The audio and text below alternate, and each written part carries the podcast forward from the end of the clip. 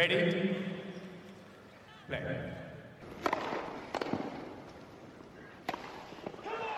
Merhabalar, Raket Servisi hoş geldiniz. Ben Gökalp. Ben Anıl, merhaba. Evet, hafta sonunda böyle acil bir kayda giriştik. Aslında şu anda başka şeyler yayınlayacağımız bir bölüm çekmiştik bile ama gelin görün ki Roger Federer hafta içerisinde tenis dünyasının sarsan açıklamasını yaptı ve de tenisi bıraktığını açıkladı. Bugün ilk reaksiyonumuzu sizlerle paylaşacağız. İlk reaksiyonumuzu paylaşamıyoruz tabii. Üstünden bir iki gün geçsin dedik. Şimdi bir konuşacağız. Yani reaksiyon gösterebilmek için insan içinde tabii biraz vakti ihtiyacımız oldu. Ama gözlerimizin şişliği e, ağlamaktan sanılmasın. Sabah kaydediyoruz ben uçağa yetişeceğim için e, yoğun bir dönemimde anca şimdi fırsat bulduk. Evet. E, yani bir de tabii gerçekten bir hazmetmemiz gerekti haberleri. Ben iki gündür kafamda yani hala hazmedilmiş bir şey değil de Evet, en yani azından bazı şeyleri okuduk ve izledik. Çünkü ilk başta e, mektubu okuduğu bir video da var. E, mektup ayrıca var. Ne mektubu direkt tamamen okuyabilmiştim başta ne de videoyu bitirebildim. Zamanla tabii onlara da sıra geldi. Zaten o cümlenin o girişi bütün Insta storiesinde ve kime baksam böyle 100 kere falan o ilk cümle e, bir de Evet. korktum ben video sandım görüntülü falan ben bunu izleyemem dedim. E, hiç açmadım. Sonra ses kaydı olduğunu dinleyince dur bir dinleyeyim dedim. Onda yarısına kadar dinleyebildim. Sonra tüh kapat kapat kapat dedim. Efendi gibi oradan- okudum kendi iç sesimle. Ama istersen bir Gökalp başlayalım. neler yazıyor bu e, meşhur Aynen. Mektubunda. Bir oradan başlayalım. Ondan sonra Federer'in teniste yaptıklarına gelelim. Sonra da hislerimizi biz aktarabildiğimiz kadar aktaralım. Bu taze taze olsun istedik tabii. Bu böyle toparlayıcı bir Federer bölümü değil. Sadece bu haberle alakalı konuşuyoruz bugün. Ee, ilk başta tabii hem Twitter'da hem Instagram'da bu e, metni paylaştı. Ondan sonra da metni okuduğu videoyu paylaştı. Tenis aileme ve ötesine e, diye başlıyor ve de diyor ki işte tenisin bana senelerdir verdiği en büyük hediye e, bu yolda tanıştığım insanlar ve sizle bugün paylaşacağım bir haber var diyor. Zaten bu kadar duygusal bir girişten sonra siz diyorsunuz ki evet geldik. Geldik yolun sonuna. O da diyor ki işte son senelerde yaşadığım sakatlıklar ve ameliyatlar artık benim için durumu netleştirdi. E, 41 yaşındayım. 24 senede 1500'den maç fa- 1500'den fazla maç oynadım ve de artık e, rekabetçi kariyerimin e, sonuna gelmeye karar verdim. Londra'da oynanacak Laver Cup benim son ATP e, etkinliğim, ATP turnuvam olacak. İleride de tabii tenis oynamaya devam edeceğim ama sadece e, Grand Slam'lerde ya da ATP'de değil diyor. Sonra da teşekkürlerine geçiyor. İşte ailesine, Mirka'ya, çocuklarına, anne baba, kız kardeşine, e, takımına, e, ondan sonra sponsorlarına, rakiplerine, en sonunda da hayranlarına teşekkür ediyor. Bu son 24 yıl benim için inanılmaz bir maceraydı diyor. E, bazen diyor e, hissedemiyorum ne kadar derin ve böyle sihirli olduğunu e, bu 24 yılın diyor ve de e, en sonunda da diyor ki tenise mesajımda son olarak seni seviyorum ve seni hiç bırakmayacağım diye zaten orada bırakın. orada At elim gitsin. aynen elimiz kolumuz zaten gevşedi o son lafta. Ee, bir de bunu okuduğu se- bir sesli not var.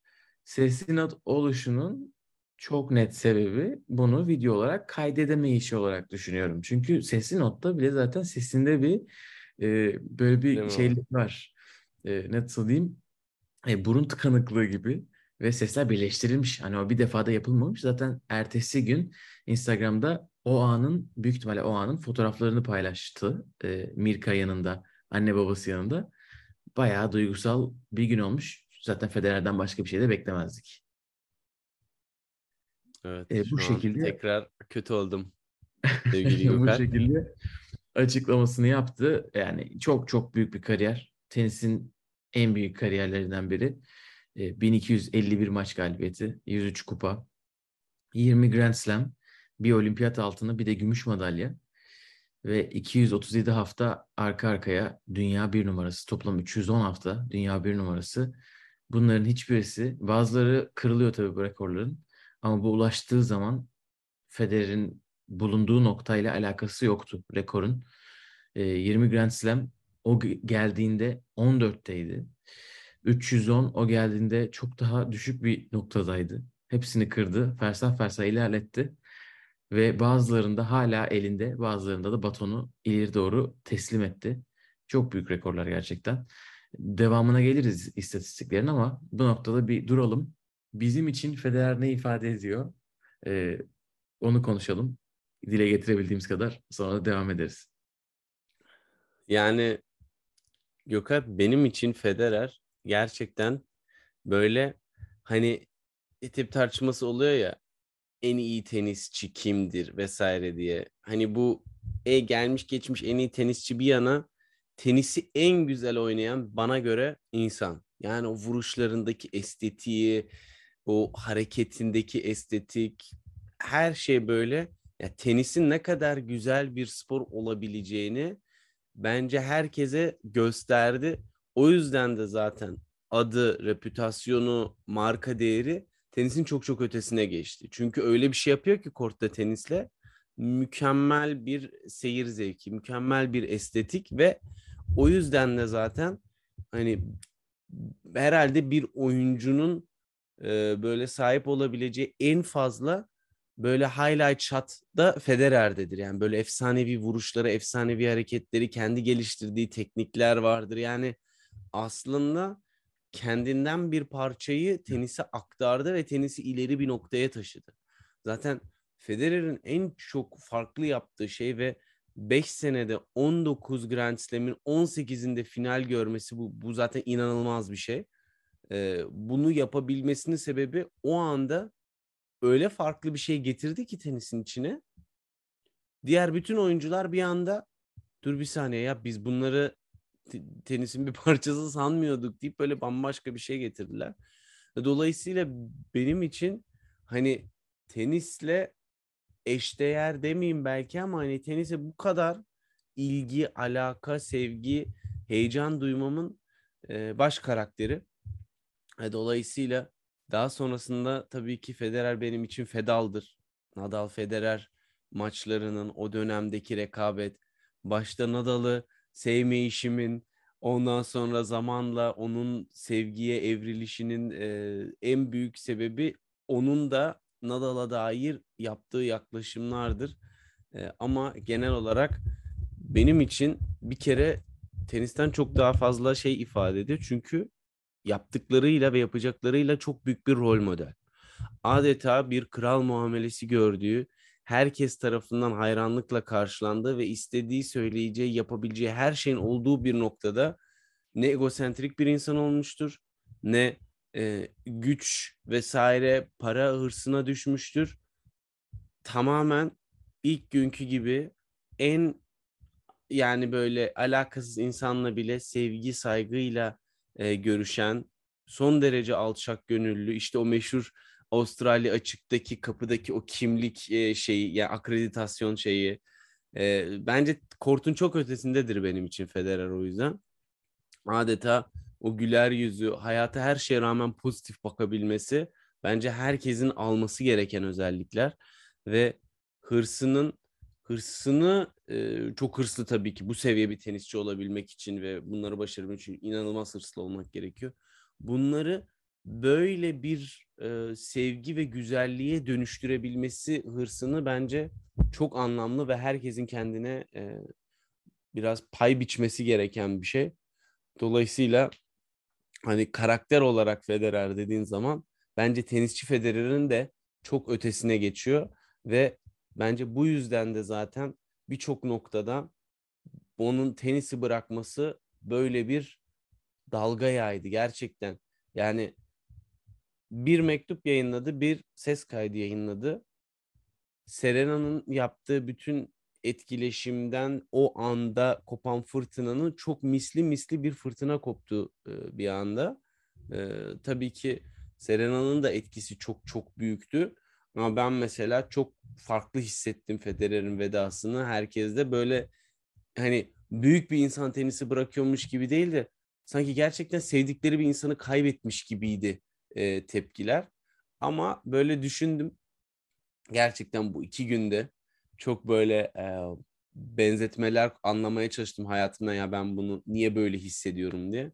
Böyle biraz şey gibi işte e, ne bileyim Kemal Sunal'dır, Barış Manço'dur böyle herkesin e, sevdiği ve böyle antipati beslemediği bir insan hayatını kaybettiğinde böyle çok büyük bir duyguseli oluşur ya. Burada da böyle tabii ki onun çok çok e, minimalize ama ona benzer böyle hani sevgiyle aa tüh biz onu görmeyeceğiz artık psikolojisinin oluşması.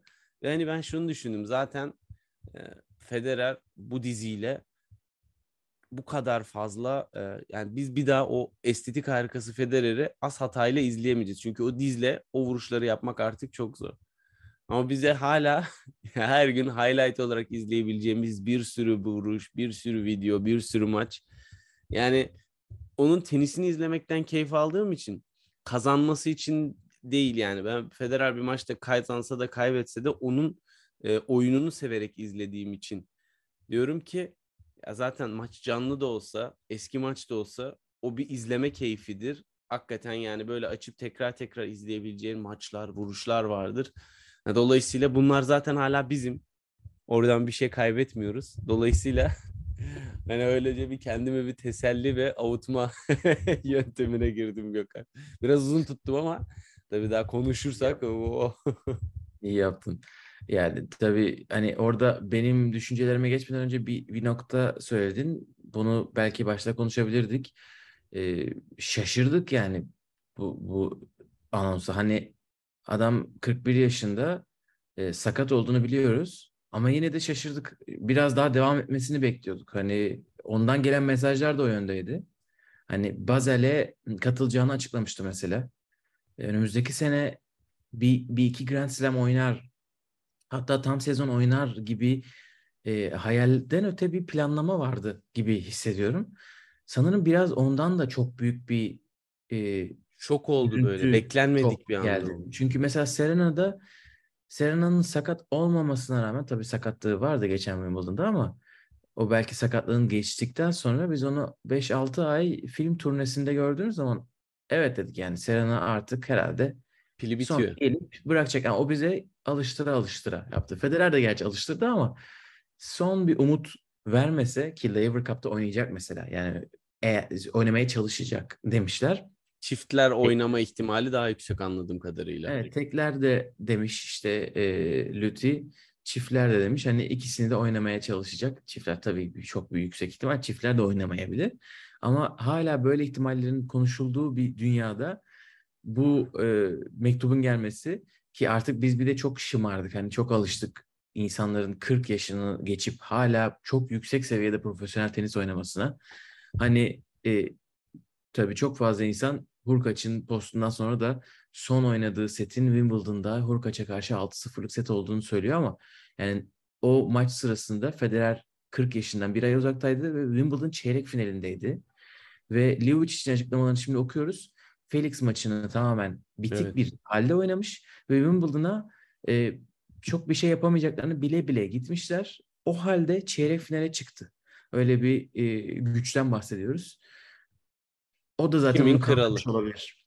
Kim ne derse desin yani çim tenisinde zamanla çok daha farklı silahları da ilave etmişti kendine. Zaten yani e, son Wimbledon şampiyonluğu o yüzden o çok özelmiş. O diğerlerinden biraz farklı bir nokta. O hakikaten 20 dediği turnuva ve hakikaten e, tabii Djokovic'in de olmamasının da etkisiyle o kadar yani Yok, aka, aka gitti sene, ki o turnuva. O, o sene bence Djokovic'in olmaması bile şey değil, bir etki değil. Evet. Yani bugünün şartlarında ama yani o yaşta o kadar kılçıksız turnuvanın başından evet Federer'e verin kupayı e, bu, bu işin başka bir e, yolu gözükmüyor. Öyle bir tenis oynamıştı.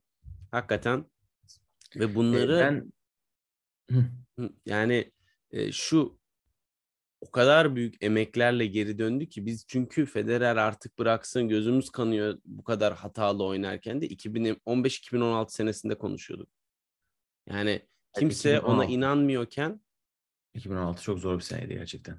kimse inanmıyorken kendine o inandı ve o yani 2017 Avustralya açıkta izlettikleri Nadal'la beraber inanılmazdı. Yani bize hakikaten o 2017'de son bir şarkıyı söylemeye başlamış da biz şarkının biteceğini kabullenmemişiz gibi e, bir durum vardı ortada ama ben hep hani Wimbledon'da güzel bir veda turnuvası hayal ediyordum. Orada bitirmesini hayal ediyordum ve bitireceğini anons edip sonra böyle turnuvalara her oyuncu gibi böyle bir son bir veda senesi yapmasını bekliyordum.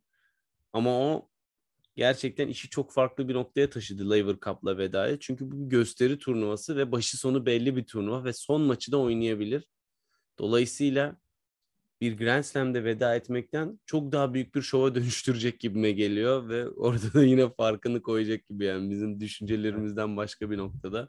Evet bu Serena'nın Amerika'da yaptığı e, vedayı görüp de artık açıklamanın vakti gelmedi mi diye düşünmedim değil açıkçası. Hani oradaki etkiyi gördükten sonra evet e, şöyle bir açıklayalım da herkes görsün. E, tam çok benzer zamanda oldu gerçekten. Yaşları benzer, bırakış zamanları çok benzer. Açıklama zamanları da öyle. Serena da zaten 3 hafta 4 hafta kala falan açıkladı Amerika için son turnuvası olacağını. E, ben bir söyleyeyim istiyorsan e, aklımdan geçenleri. Geç. Federer'e dair. Öyle. Ondan sonra da e, zaten yavaş yavaş şey yaparız, kapatırız. E, ya- yani zaten söylenecek aslında çok şey var ama aynı zamanda çok fazla şey de yok. Böyle tam ortada bir noktada. E, benim için Federer'i sevmek en başta çok kolay değildi. E, çünkü benim ilk favori tenisçim Andy Roddick ve yani sürekli tokatlandığınızı düşünün bir rakip tarafından ve rakibiniz senelerce sadece sizin favori tenisçinizde değil bütün tura çok büyük bir dominasyon kursun. Hani bence biz tenisçinin sevilmemesi için olgun şartlar vardı o zamanlar. Tabii. Ee, ona rağmen hani Federer öyle bir tenis oynuyordu ve öyle bir karakteri vardı ki ve biz o zaman karakteri aslında çok da hakim değildik. Şimdi geri düşünüp dönüp düşünüp bakınca hani e, onu medya üzerinden tanıyorduk biraz. Hani sosyal medya yoktu. Kendisi ne diyordu? Her şey filtreliydi. E, ki o zaman da aslında çok filtre uyguluyormuş şimdi geri dönüp kitaplarını okuduğumuz zaman. Yavaş yavaş açılmış biraz hani o ilk baştaki e, herhalde junior zama- sonrası zamanı beklentileri karşılayamamasından dolayı medyanın çok üstüne gelmesiyle sonra medyayı biraz kapatmış. Hani ona rağmen öyle bir oyun ve öyle bir karakter ki ısınmamak elde değil. Zaten yavaş yavaş artık diyorsunuz ki yani bu muhteşem bir şey. Yani bunun bunu izleyebildiğim için çok şanslıyım noktasına belki 2005'te falan gelmiştim ben. Ondan sonra zaten her seferinde konuşuyoruz. Beni tenise en çok bağlayan maçlardan biri Federer Bagdatis maçı o 2006'daki. Acayip ya herhalde onun bu arada en çok bağlamasının sebebi e, maçın çok kaliteli olmasından yana Federer'in maç sonu tenisi ne kadar sevdiğini ağlayarak göstermesi ve bunu hiçbir şov olmadığını yani yüzde yüz biliyorsunuz. Onu yani bütün kalbiyle seviyor ve bunu kaybettiği bir maçtan sonra değil kazandığı bir maçtan sonra yapıyor. Ee, onun yanında tenis oynayış şekli tabii ki ya bu kadar e, iyi bir teknikle tenis topa vurulduğunu, iyi bir teknikle kortta hareket edildiğini gördük mü, görecek miyiz emin değilim. Ee, bunu herhalde her kortta o kortta oynanılması gerektiği gibi oynaması da var. Bu belki Björn Borg vardı. Hani hep biz o zaman izlemediğimiz için bilmiyoruz ama şimdi geri taht hareketler baktığımız biraz zaman- daha hız farklı. Evet. aynen daha da zor bir iş. Geri dönüp baktığımız zaman toprakta tamamen arkadan çimde tamamen servis voleyle ka- kazandığı seneler. Federer de yap- yaptığı kadar yaptı bunu. Yani onun kadar modern dönemde servis voleyle kaz- Wimbledon kazanan ki 2003-2004 yıllarında servis voley istatistikleri muazzam. Toprakta geride defansının konuştuğu, harek- o ayak hareketlerini konuştuğu, sert kortta da geriden agresyonu muhteşem yaptığı ve e, ben defansı ofansa çevirmeyi Federer'le ilk duydum. Hani yeni dönem tabii şu anda çok fazla görüyoruz artık. Bunu Evet. Djokovic, Nadal muhteşem yapıyorlar ama ya ilk o getirdiği gibi hissediyorum en azından bu seviyeye, bu modern tenise. E, servisi, e, servisinin muhteşemliğinden dolayı belki o kadar konuşulmayan return'ü şimdi görüyoruz. Yani yeni gelenler, Nadal, Djokovic bir yana, yeni gelenler o kadar bazı şeyleri yapamıyorlar ki hani biz zaten bazı şeyleri otomatik yüklendiğini falan düşünüyorduk Federer'den dolayı bir sürü tenisçiye. E, ki çok zor bir dönemde de geldi. İlk başta e, kort, e, tura iyi bir giriş yapamadığı için çok fazla akranına göre gerideydi. E, hem e, istatistiklerde hem de maç e, kay- kayıtlarında. Leighton Hewitt'e karşı, Marat Safin'e karşı, Andy Roddick ondan önce Grand Slam kazandı. Nalbandian'la çok çekişti. Hani onlara karşı geriden geldi. Ama herhalde onu insanlaştıran artık o inanılmaz 4-5 senesinden sonra artık o makinelaşmış 4-5 senesinden sonra her şeyi kazandığı zamandan sonra insanlaştıran Nadal rekabeti. Hani o olmasaydı Federer belki istatistik olarak da başka noktada olurdu. Ee, tenis olarak da yani onun tenisinin artık o noktada ya bırakabilirdi ya da şu an onu gördüğümüz gibi evet ben e, bir numaradan düştüm ve benden 5 yaş küçük bir çocuk ben hala gençken ki ona 27 yaşındayken artık ne zaman bırakacaksın soruları gelmeye başlamıştı.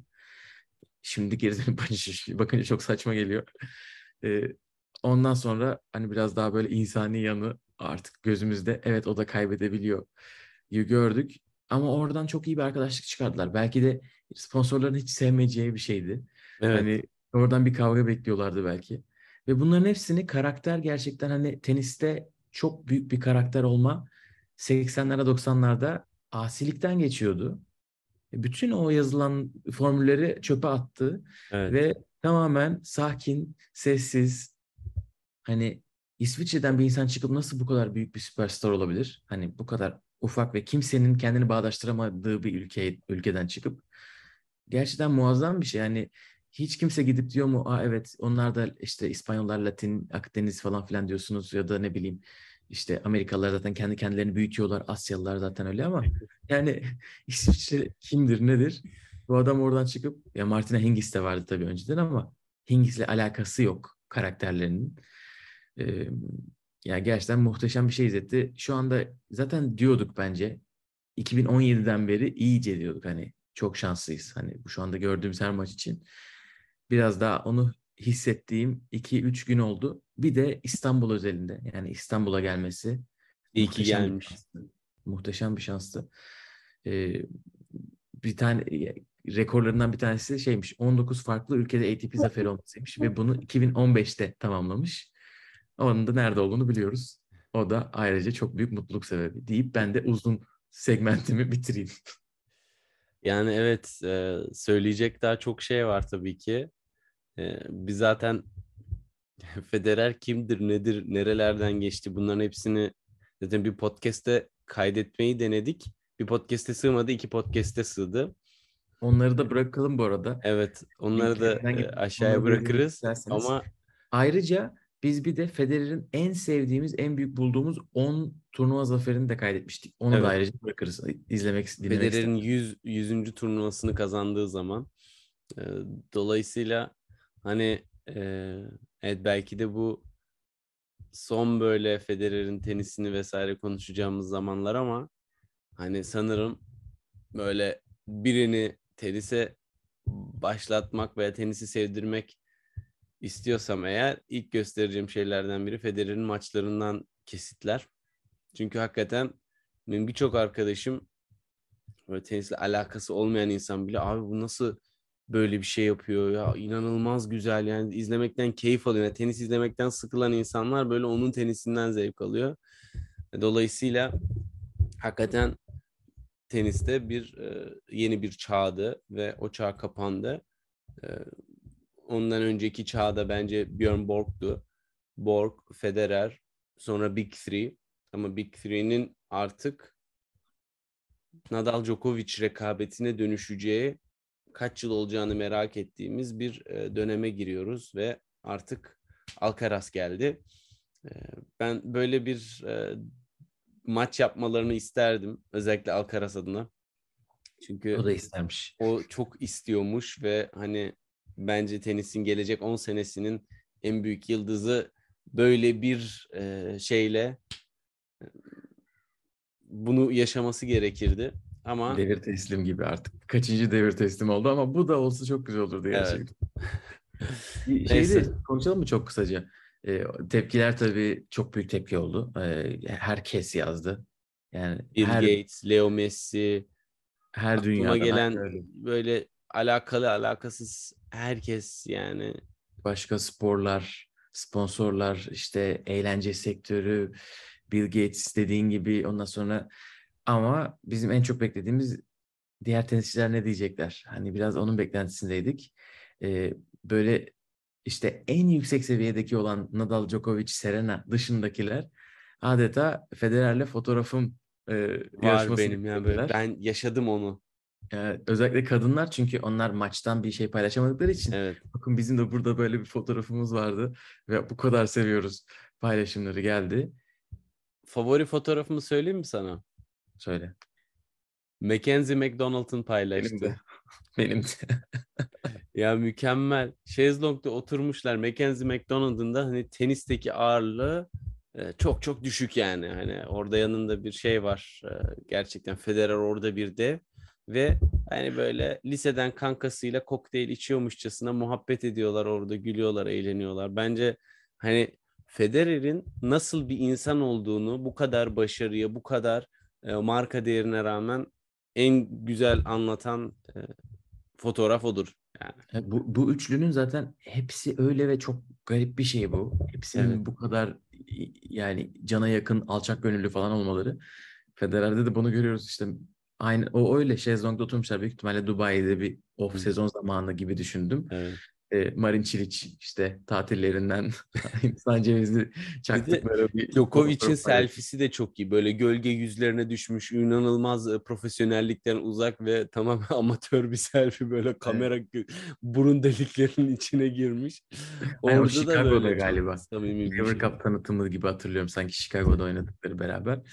Ee, Nadal'ın mesajını herkes bekliyordu. Nadal çok içten bir mesaj paylaştı. Zaten öyle yüz yüze de söyledim bunları. Hani bakın haberiniz olsun gibi bir mesaj olmuş.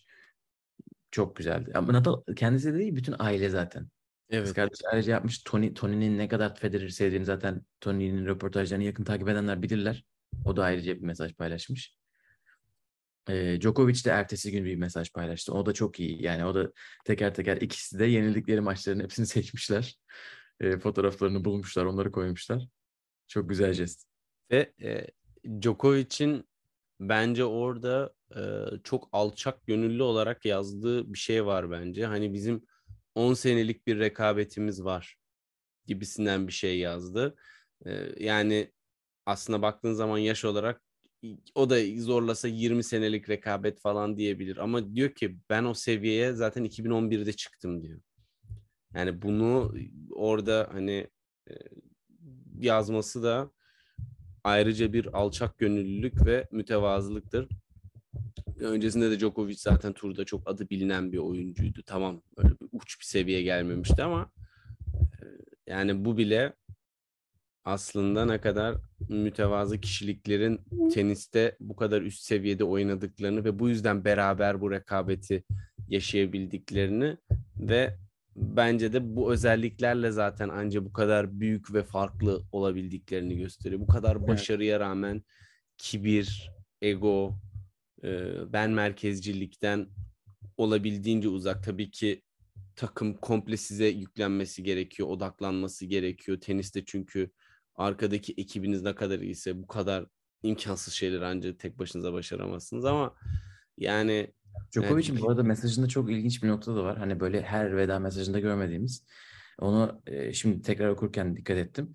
Yani diyor ki kariyerin e, mükemmeliyete ulaşma yolundaki e, tonu set etti diyor. Hani tamam onu biraz daha bekliyoruz ama bir de diyor e, integrity ile yani dürüstlük diye mi çevirelim integrity yani dürüstlük ve prensiplerine bağlı kalmayla e, iş işleri e, hani öncülük etmeyi gösterdin gibi bir şey söylüyor. Yani kort dışı e, Federer'in yaptıklarını oyunculara sorun, onlar size anlatsınlar diyorlar genelde. E, 2005-15 arası özellikle e, çok aktifken e, ATP'de e, ve para ödülünün bu kadar yükselmesinin sebebinin hani Federer'in hem zaten popülaritesi yüzünden tenisin e, pa- pastasının büyümesi hem de pasta içerisindeki oyuncuların diliminin artmasında Federer'in çok büyük uğraşının olduğunu söylüyorlar. İlk hani o e, zamanlardan bahsedenler. Hani Djokovic şu anda çok değişik bir noktada aslında e, politik olarak. Ama ona rağmen orada Federer'i takdir etmesi demek ki o da ne kadar hani etkilendi onu ona dikkat ettim. Ee, biraz hani kort dışı yaptıklarında böyle çok bir cümleyle anmış olduk. Federer'in zaten hepsini konuşmuştuk Federer bölümümüzde. Zaten kort dışında- yapacağı herhalde Güney Afrika'ya çok daha fazla ağırlık verecektir e, iyice diye tahmin ediyorum. Çünkü zaten filantropik bir e, yapısı var. Roger Federer Foundation'ın senelik yaptığı harcamalar e, gerçekten milyonlar milyonlar.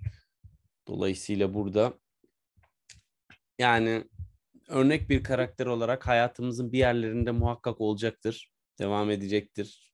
Kendi markasını da yaratıyor. Zaten işte RF Aynen. logosu çıkıyor mu? Logosu, üzere. 10 markasıyla yarattığı ayakkabı. e, oradan bence o da böyle bir ikinci bir Jordan olma biraz zor olabilir öyle bir marka değeri ama işte öyle her yaptığını ürününü sattırabilen ve tasarımlarıyla yine bir şekilde çağın içerisinde kalacak, çağa yön vermeye devam edecek bir e, tarz bekliyorum ondan da. Yani daha sık sık adını duyacağız ve sık sık göreceğiz kendisini. İstiyorsan sadece kendinde bulunan bazı acayip rekorlarla kapatalım. Tamam. Zaten Lever Cup'ta e, onu göreceğiz. Hani Evet. Korta bir defa daha çıkacak en azından. 56 maçlık bir sert kort serisi var. 2005-2006 yılları arasında. 65 maçlık bir çim kort serisi. 2003-2008. Bu herhalde kırılmaz diye düşünüyorum. Arka arkaya 65 maç çimde. 4 slam finaline 3 ayrı yılda yükselme. 2006, 2007 ve 2009. Dördüne birden finale yükselme. Bu da zor. 10 arka arkaya slam finali. 23 arka arkaya slam yarı finali. Bu, bu muazzam bir şey. Yani 23 tane yarı final arka arkaya. Acayip bir şey. Arka arkaya 24 final kazanmış ATP turda. 24 tane hiç kaybetmediğinizi düşünün arka arkaya. E, top 10'de top dünyanın ilk 10'unda 18 yıl geçirmiş ve de 19 farklı ülkede ATP zaferi kazanmış. Yani adam dünyaya yayılmış. Aynen öyle. İstiyorsan burada kapatalım. Federer'i Evet. konuşmaya sonraki bölümlerde devam ederiz. Bu bir ilk reaksiyondu diyelim. O zaten. Ee, Biz rakı sofrasında konuşuruz gerisini artık. aynen öyle. Evet bir sonraki bölümde görüşmek üzere diyelim. Kendinize iyi bakın. Hoşçakalın. Hoşçakalın.